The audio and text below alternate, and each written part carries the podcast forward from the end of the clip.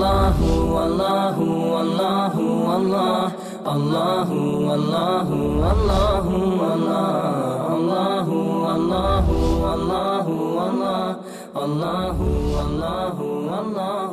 والله ذاك العادم في علا من أبدع الكون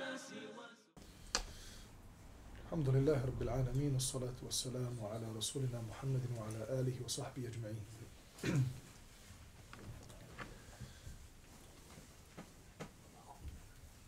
Prije nego što počnemo sa hadisima, kad smo sad svraćali u pekaru da uzmemo kifla, Tarik, ja na um padne mi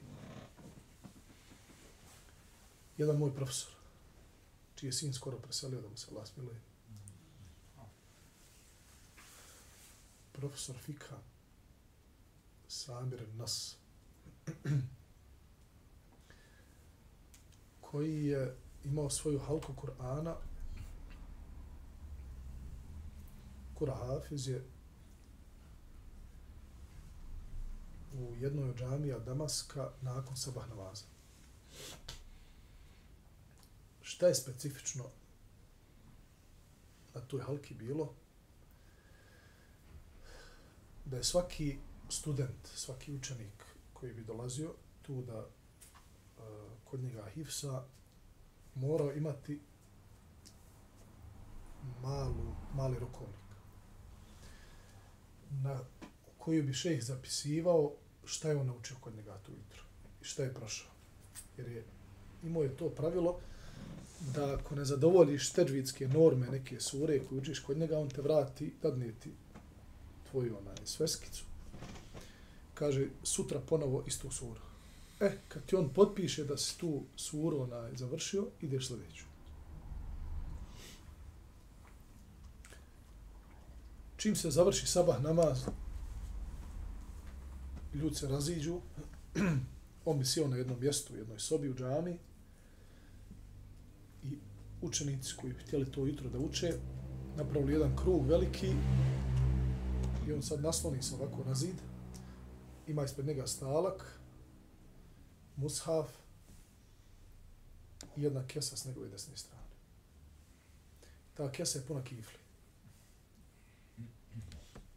E sada, kako će se znat ko je, ko prvi treba da uči? On je sad, ne znam kada je uveo neko jedno pravilo, da onaj ko prvi dođe prije sabaha u džamiju, stavi svoj bločić do njegovog stalka. I on prvi uči. Znači, on uzme bločić, na arapskom treba da napiše svoje ime i prezime, i on otvori ovako, pročita tvoje ime i prezime i ti pristupiš, sjedeš pred njega na, na koljena, na tešehu i učiš. I kad završiš, on ti dadne, izvadi jednu kiflu i dadne ti. I ta te kifla drži, ti kad završiš kod njega, ideš kući. Ona te drži do kuće. Tako, kad smo sad kupovali ove kifle, nam pade. E sada, pogledajte marljivosti studenta i razmislite o našem halu, naspram Kur'ana, nas, a i tih ljudi koji su tada učili kod njega. Dođeš prije sabaha na 40 minuta, ali nije sabah koji se klanja 40 minuta prije izlaza sunca, nego sabah sa zorom. U ljetnom dobu oko pola četiri. Zora. Tri i pola četiri. Ti dođeš 40 minuta prije ezana sabahskog. 50 bločića prije tebe, prije tebe ima. Znači 50 ljudi je prije tebe ulovilo da dođe u džamiju i da spusti i bilo je strogo zabranjeno da jedan učenik uzme za druge isto bločiće i da on reda. Ne, svako je morao za sebe da dođe. Znači, tamo negdje odmah iza polovine u noći, ko bi tio prvi, on bi trebao da dođe oko 12, znači da ne spava, da dođe da stavi svoj bločić. I taj njegov mali gest, kad proučiš zadnje ti kiflu, nekad je bila bombona. A nekad prevashodno, znači zavisi od situacije, nekad bi šejih, ne znam iz kojih razloga, sigurno bi to neko od bogataša, od muslimana, koji zna za tu njegovu halku, dao bi mu novca. I on drži taj novac ovdje u onaj, svima ista para. 500 lira, to je bilo, nama studentima mnogo, 500 lira, možda neki 20 maraka, tako nešto, 10 20 maraka u vrijednosti. I ti proučiš pred njim, on izvadi iz džepa tu jednu onaj, novčanicu i dadnete. Uglavnom, ta kifla je se toliko urezala duboko, nije to ništa, znači to je jedan mali gest šta kifla, ali onaj, zanimljivo da je, da je imao tu, ajde da kažem, brižan je bio prema nama, te sitne sate, šta čovjek u tri sata ustane, treba na sabah, treba. On razmišlja o kiflama sa kojima će one, rancu i učenike. Male stvari koje kada razmislimo, mnogo, mnogo onaj, znači. I bio je jako strok kao profesor u fiku. Onaj, moralo se dobro naučiti gradivo da bi se kod njega prošlo. Znači, nije bilo za Afrikancije. To sam htio da podijelim sa vama onaj, i da se snimi eto, da ostane, znaju još neki studenti iz Bosne koji su onaj, u to vrijeme učili kod njega, nisam ja jedini, znaju za ovaj ritual sabahski. Bismillahirrahmanirrahim. Od uh, Ebu Hureyre radijallahu anhu se kazuje da je Allahu poslanik sallallahu alaihi wasallam rekao kogod propisno i potpuno uzme abdest, pa ode na džuna, džuma namaz i pomno sluša hudbu, bit će mu oprošteni grijesi od tog trenutka do sljedeće džume. I još dodatno tri dana. Ako besprijekorno bude dodirivao kamenčiće, pogriješio je. Ovaj hadis, braćo moja, govori o jednom načinu, segmentu oprosta grijeha i šta to utiče da nam Allah Đelešanu oprosti grije. Kogod propisno i potpuno uzme abdest. Znamo da je abdest u osnovi tjelesno očišćenje muslimana, jedan ibadet koji muslimani prilikom svakog namaza uzimaju abdest, čiste svoje tijelo. Međutim, kada musliman zanijeti da očisti svoje tijelo, tim ibadetom, tom vodom, čisti svoje grijehe i svoju dušu. Jer Allah subhanahu wa ta'ala je određene stvari propisao da ih činimo fizički, tjelesno. Znači, e, tiče se materije, voda je materija. Međutim, iako je nešto, neki ibadet fizičkog karaktera i ima veze sa materijom, sa dunjalkom, pored toga Allah subhanahu wa ta'ala preko te materije daje da se zbog našeg nijeta, zbog naše namjere, da to učinimo ime Allaha, daje da se e, tim materijama i tim načinima, e, tim obredima, da se ist, također naša duša čisti. Kao što je namaz. Namaz je a, fizički pokret tijela, međutim, Allah odgaja svoga roba namazom. Tako i s abdestom. Abdest je znači čišćenje vodom e, tijela, međutim, ako se zanijeti iskreno ime Allaha Đalešanuhu, to čisti našu dušu i čisti nas od grijeha. I ako čovjek, ako musliman, e, dvije džume uzastopno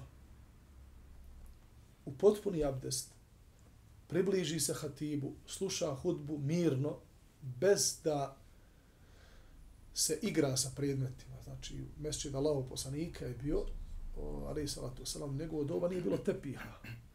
Nego insan, kada bi sjeo na pod, mogao bi se igrati sa pijeskom, s kamenčićima. Kada bi to neko učinio u toku hudbe, pokvarilo bi ovu nagradu, umanjilo bi je, znači kada bi se igrao s time. Kaže sallallahu alaihi wasallam, pogriješio je onaj ko se previše igra s kamenčićima ili ko se igra sa tepijom, ko, ko crta po tepiju džamijskom, ne znam ni ja, normalno ko čačka mobitel ili dira mobitel, ko, ko se igra s ključevima. Znači, ako nešto radi što mu odlači njegovu pažnju slušanja hudbe, s time umanjio svoju nagradu hudbe.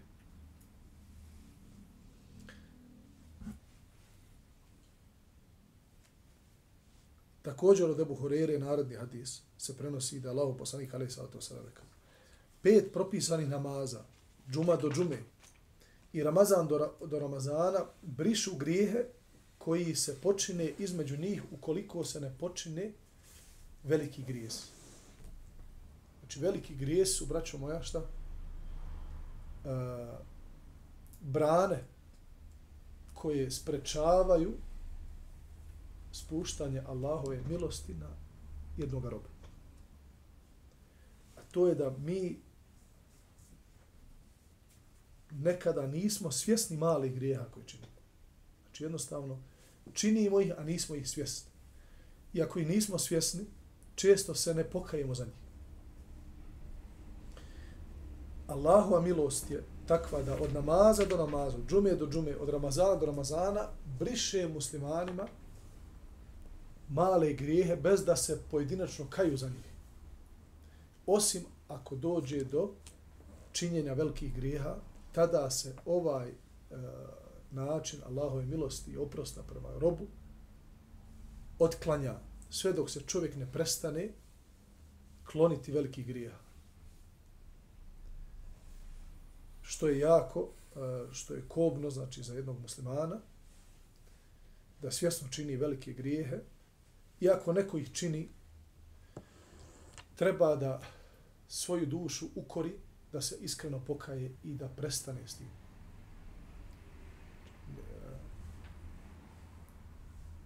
Ne treba čovjek sebi da eh, da uništi odnos prema gospodaru tako što je počinio veliki grijeh pa da kaže za sebe ja sam već činio velike grijehe već za mene ovakva vrsta milosti ne vrijedi zašto da prestanem s tim? Vrate moj to je jedna od najvećih zamki šeitanskih. Znači, čak veća od samog nagovaranja tebe da počiniš grije. Jer ako insan počini grije, a zatim se pokaje Allahu iskreno i ne vrati se više tome grijehu, Allah će taj grije a, okrenuti i pretvoriti ga u dobro djelo. A ako šeitan uspije da te nagovori da ne odustaneš od velikih grijeha zbog toga što si slab musliman i loš prema svome gospodaru i kažeš ja ne zaslužujem a, da budem dobar, što da se više klonim, nema za mene nade i tako dalje, to je jedna od najvećih šeitanskih zamki koje, u koje ne smijemo nikada upasti. Nikada ne možemo gubiti nadu da će Allah naše stanje promijeniti i da ćemo biti od bliski Allahu i robova. Nikada.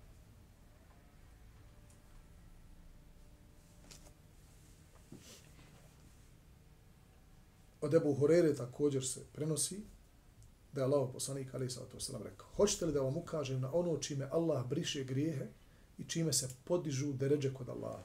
Hoćemo, uzviknuše, prisutni. Allah poslanik sallallahu alaihi wasallam reče upotpunjavanjem abdesta u teškim uvjetima, mnoštvo koraka do džamije i iščekivanjem namaza u džamiji. To vam je vrijedno kao bdijenje na Allahom putu. Ovaj hadis bilježi imam muslim u svom sahihu. ako primijetit ćemo u ovome hadisu da je Allah poslanik alaih salatu wasalam spomenuo tri stvari koje mnoštvo ljudi ne čini. Mnogi ljudi ne upotpunjavaju svoje abdest u teškim uvjetima. Mnogi ljudi neće koračati ako je džamija podaleko, klanjać kući.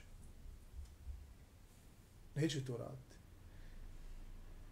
I mnogo ljudi će reći, zapošljen sam Dunjalukom, zašto da dođem u džamiju prije na 15-20 minuta ezana ili 10, pa da čekam namaz. Ili ću stići tačno u ezan, pa da uđem u džamiju, da klanjam, a ako neću, onda ću ga ostaviti namaza kasnije, pa ću ga klanjati kad stignem. Što znači da podizanje deređe kod Allaha i brisanje grijeha ima svoju cijenu, braću. ima svoju cijenu i e, vrata su otvorena. Međutim, treba imati volju, jaku vjeru Allaha Đelešanuhu i svjesnost ove nagrade. Jer ako je čovjek, E, ako čovjek nije svjestan nagrade, ako njegovo srce nije čisto da poima ono što je kod Allaha, teško će se odlučiti na ovaj korak.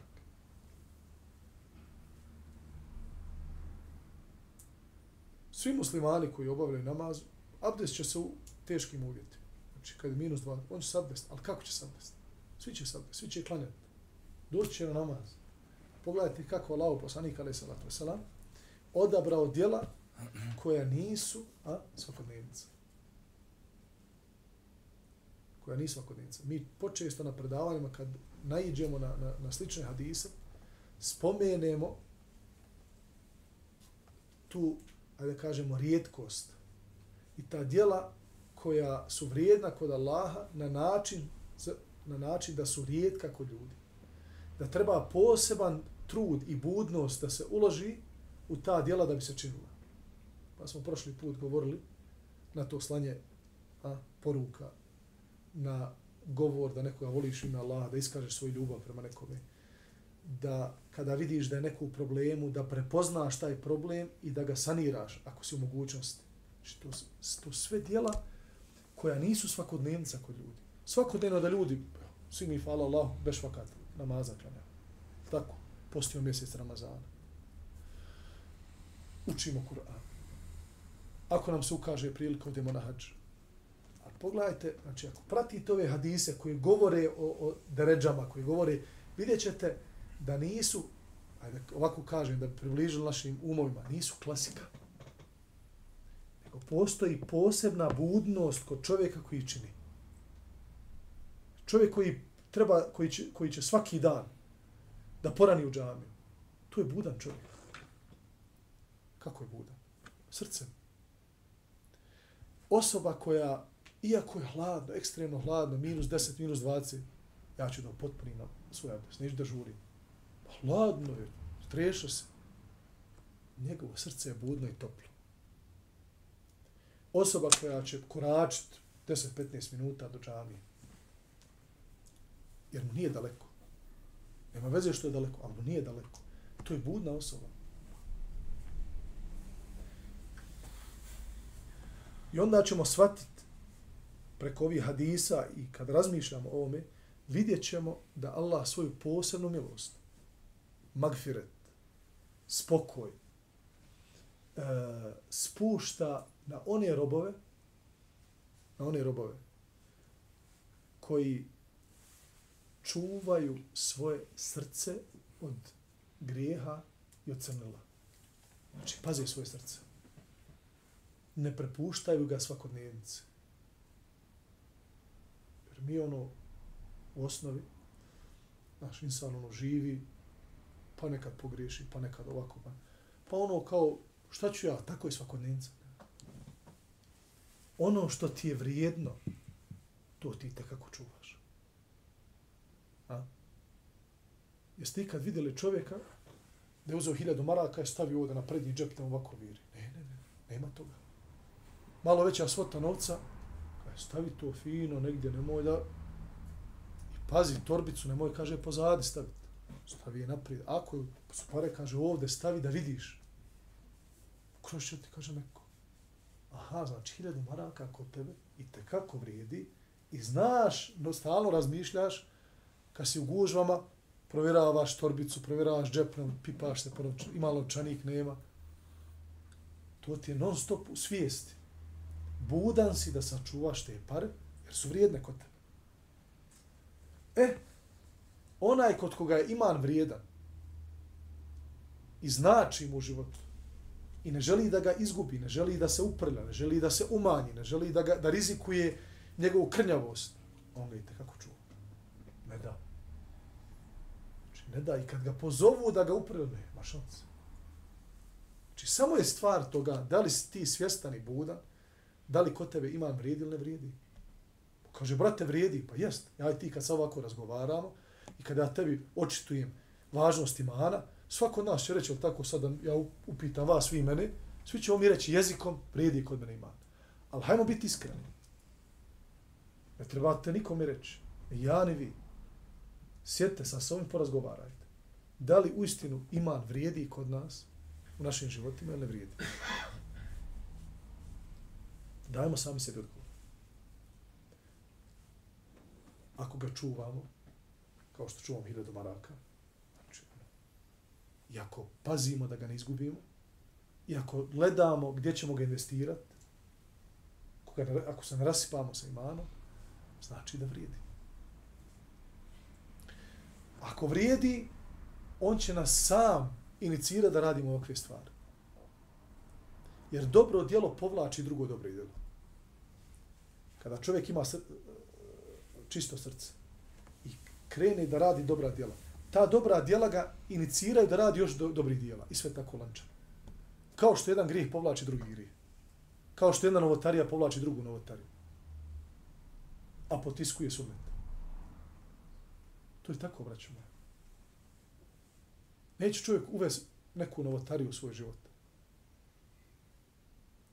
A da neće po automatizmu se izbrisati jedan sunet iz njegovog života. Neće insan posegnuti za nekim grijesima i ustrajati na njima. A da mu leće Allah uskratiti neka određena dobra djela koja je radio do tada. Pa onda svedi račun nekada nešto ono, opali ga po ušima pa kaže čekaj, ja radim ovaj grijeh, ovaj grijeh, ovaj grijeh. Sjeti se oni svojih dobrih dijela što se prije par godina radio. Gdje su sada? O, nema ih. Šta se je desilo? Pa zamijenilo se. Loše zamijenilo dobro. I suprotno. Ako se čovjek trzne, ako se probudi, kaže stop. I počne da radi dobra djela, ta dobra djela će zamijeniti na loša. To je Allahu sunet.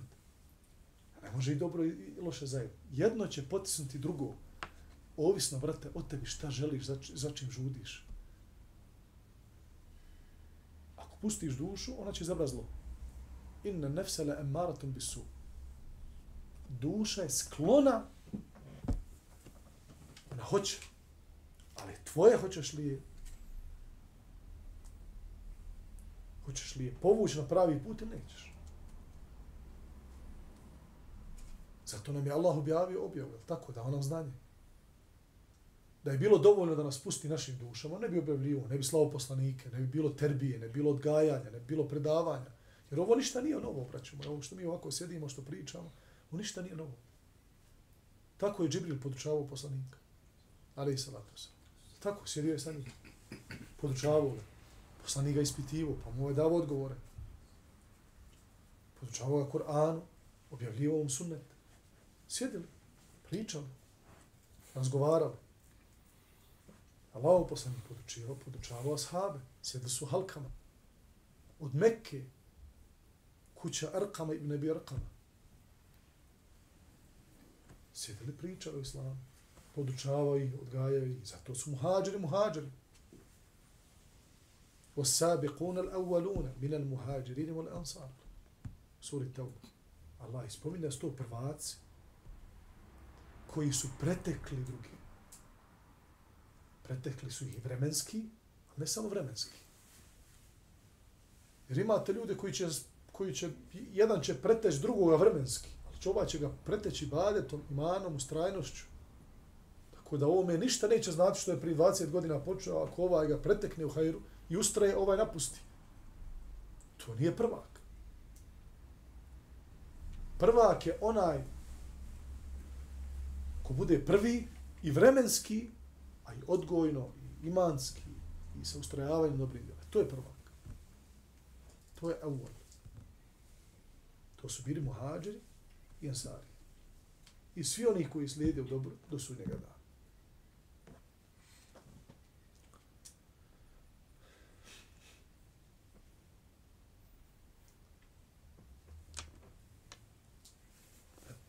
Od Ebu Musa el-Eš'ari, radijallahu anhu, se prenosi da je poslanik sallallahu alaihi wasallam rekao, ko klanja sabah i kindiju namaz, ući će u džanet.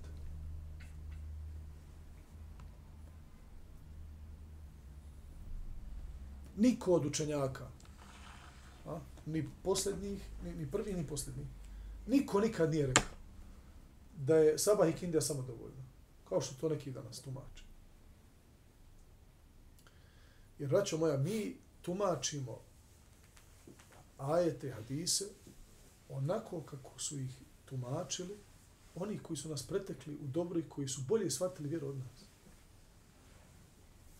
Sam Allah, poslanik Ali Salatu Salam je tumačio ajet. Pitaju ga sahabi, šta znači ova? Šta znači fatir? To i to. Ibn Abbas, poznati ashab, tumač Kur'ana, tumačio ajet. Sahabi su tumačili tabinima. Tabinu su tumačili jednim drugima i tabi tabinima. I tako da. Imamo tefsire. Niko, ni jedan, ni jedan mu fesir u istoriji nije rekao, aha, sabah, kindija, to su na dva namaza, aha, ajeti, to ne treba.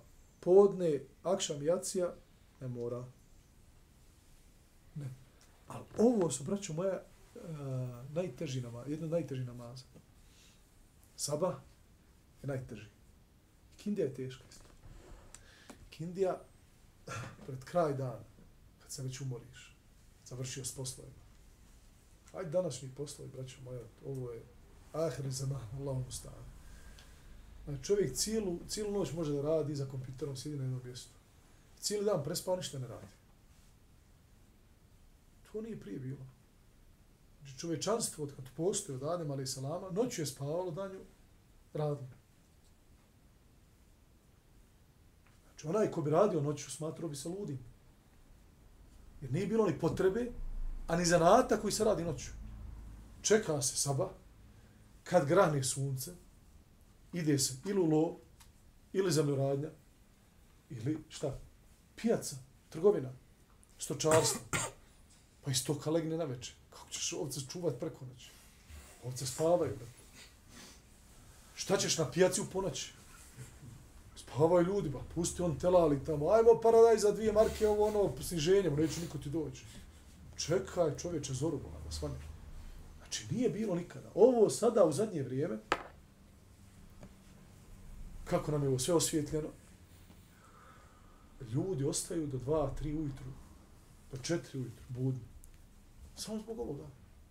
I zbog toga što smo prikopčani na ostatak dunjaluka bezuvjetno. Ugasite ljudima struju. Gasim internet. Svi će da zahrču devet. Drugi dan. Nemo, same se oči sklapaju. O, ovako.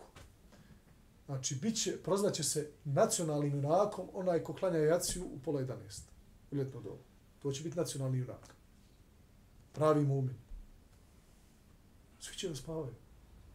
Ali Bela je što negdje sam čitao da uh, naša psiha ne može da uh, razluči da li je ovo sada sunce ili je nešto nešto što su mi sami proizveli neka, neka druga ona svjetlosna energija. Znači, naš sad mozak smatra da iznad nas sunce, da je još dan. I zato se odupire pospanošću. Iscrpimo se maksimalno, pogotovo ako je, ako je sjelca, znači čak su, ona ima u tom hormonalnom uh, procesu uh, kaže da je velika razlika na veče kada ti upaljeno svjetlo iznad tebe i ispod tebe. Znači, ako bi stolna lampa ili nešto slično bilo neka lampa koja je dole na zemlji svjetlila, to bi mnogo bolje bilo za čovjeka na večernim satima nego da gori nešto iznad njega. Jer samim tim što gori iznad njega, psiha mu govori još je dan, još je dan, treba da hormonalno ostanemo u, onaj, u pripravnosti da ne spavamo. I onda ti kad zahrčeš u, u jedan, u dva, ma ne možete niko probuditi. Kako ćeš te probuditi? Kaže, ostare onoga 50 godina ko da mu je 80. Šta će, miskin, pogotovo je sa generacijom, ovo, s internetom, a to će katastrofa da bude. Vidite, ljudi normalno, normalno umiru u 45. godina. Sad, 45, 50 umro. Kada mu se Allah smiluje, kao uđe nazva. Evo, mi ja se sjećam, kada bi prije čovjek preselio, sa 70 godina, oplakuju ga, kaže, subhanallah, jes mlad umro. Ja mlada čovjeka, što, ko kap mlad, koliko mu je kaže, 68? Šta ko kap čovječe? 68. Kao, tek se trebao sad da naživi. Jer kad pogledate, hajde da kažem neki čiko, onaj stariji koji je zdrav, koji ima neki normalni zdrav život, živi 85-90 godina. Izračunajte od 68 do 85 koliko ima, pa poli broj godina. Znači, i to živi. Još pogotovo ako je pokretan, ako je prije to mnogo, mnogo kvalitetnije bilo. Čovjek sa 85 normalno ide u baštu i neke manje poslove bi obavljao, ali da li bi radio? Čovjek funkcioniše, jede, pije, čak privređuje, ide u baštu, ode stoku namiri. Koliko ti je dide godina? Kaže, Boga, Boga mi kaže, gazim 83. Hoda, nasmijan, fin. Znači, velik, još veliki broj godina ljudi bi živjeli. Sad, presio 65, to je malo. Šta ćeš? 65, kao dobro, e, kada vidi kao omladna umire, kada srce i puca, kada je dobar, i on kaže bio, šta je dobar, šta je Allah mu. Tako da,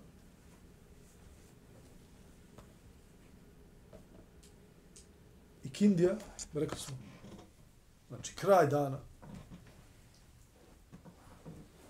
ili da, ili period kada već ljudi dogovaraju neke van nastavne aktivnosti. Tako je prije bilo. Završio sam baštu oko tri, pola četiri, evo da sada malo ugra, odu, odu u selo, odu na kafu, odu, ili odu prispati ovo, a treba klanjati kindiju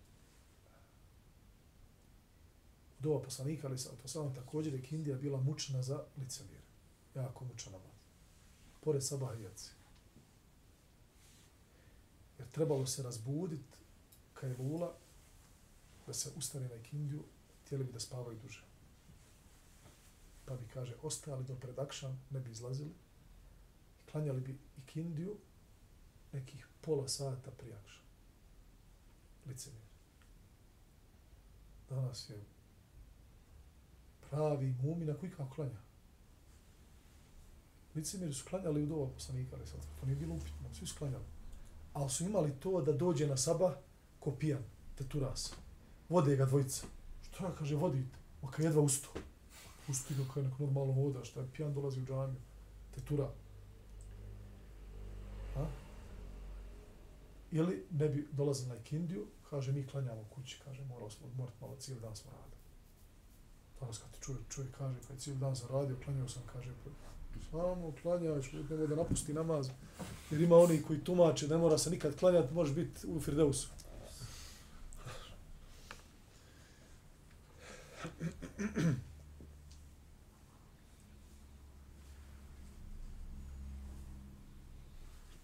Dobro.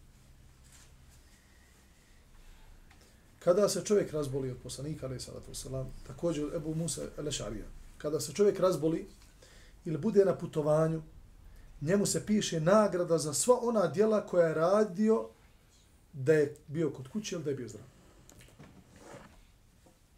Primjer. Razboli se neko i ne može ustane. A prije što se razbolio, išao redovno u džamiju, ne znam, ja radio neke druge aktivnosti, pomagao, privređivao i tako dalje i tako dalje.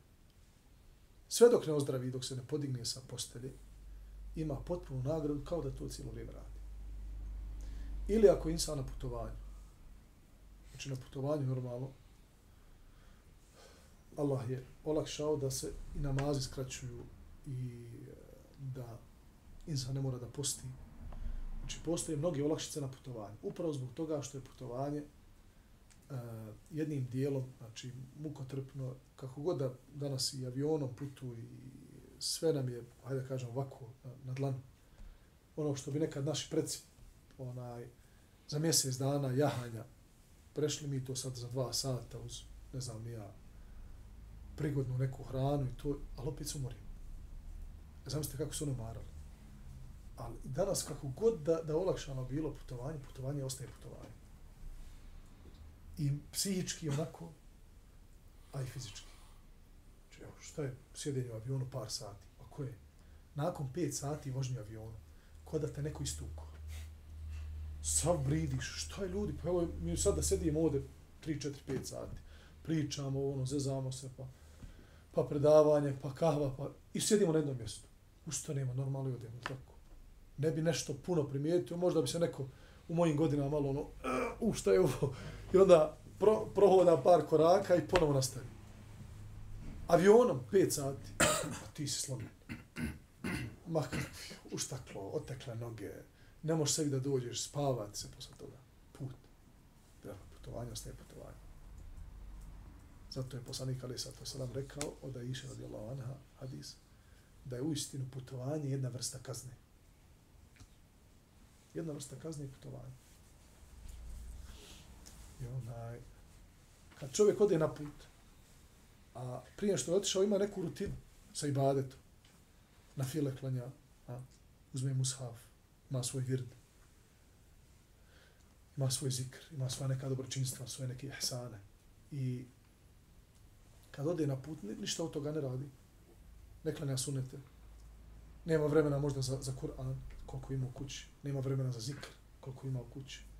Nema vremena da, ne znam, ja udijeli nešto, da ode, da pomogne, da posjeti, da nazove se landa. Piše mu se sve u potpunosti kao da je radi. Sve dok se ne vrati kuće.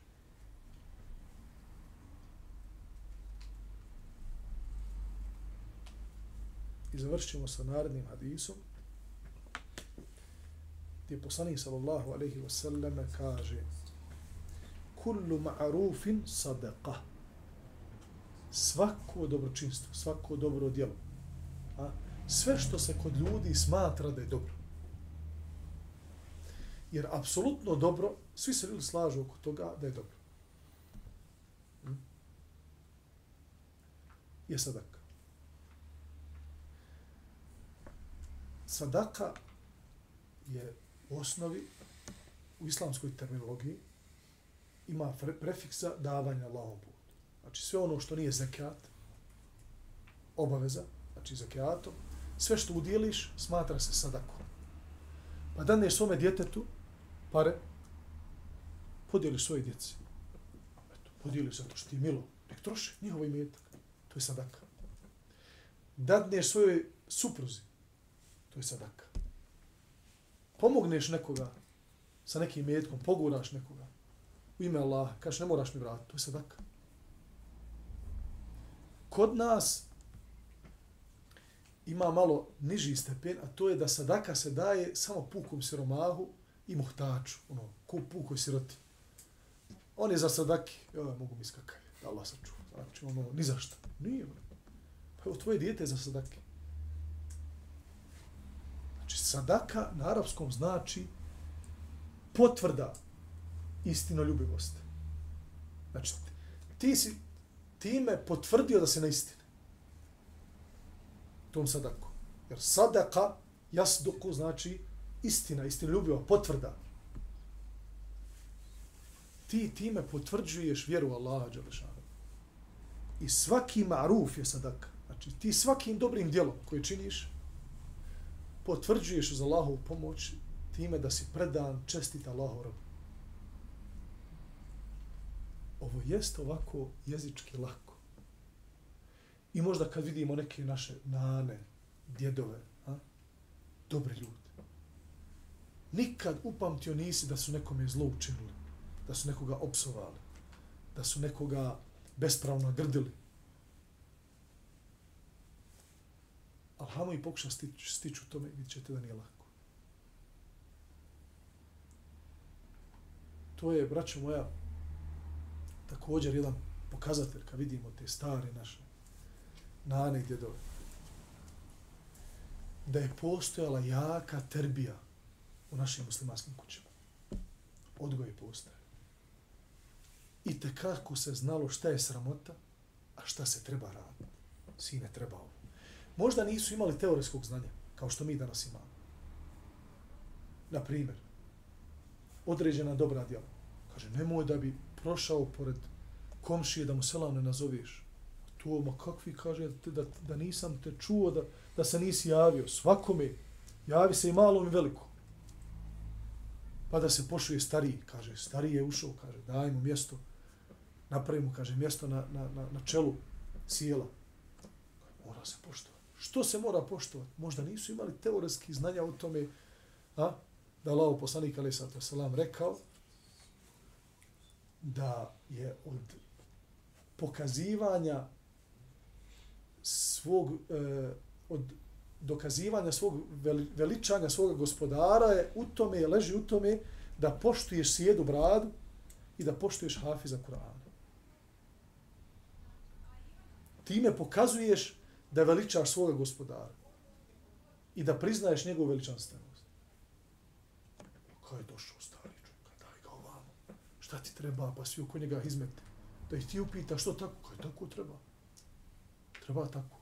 To se mora poštovati. Što se mora poštovati? Znaš neki hadis, no, ne znam. Ali su poštovali. Držali se toga.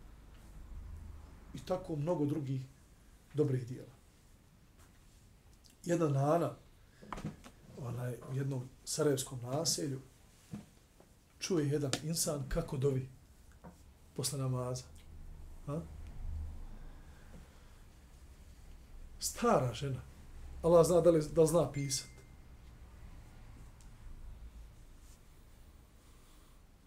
Ne zna se možda potpisat, nije u školi išla. Nije bila predavanjima, nije bila na fakultetima. Nije.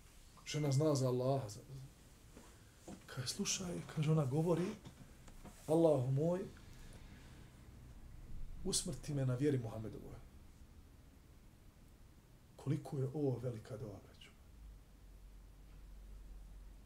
Znači, posle svakog namaza, ta nana, u poznim godinama, govori Allahu moj, usmrti me na vjeri Muhammedovoj. Nije znala puno dova. Ali ovo je najvažnija. Što ovaj jedan ashab go rekao,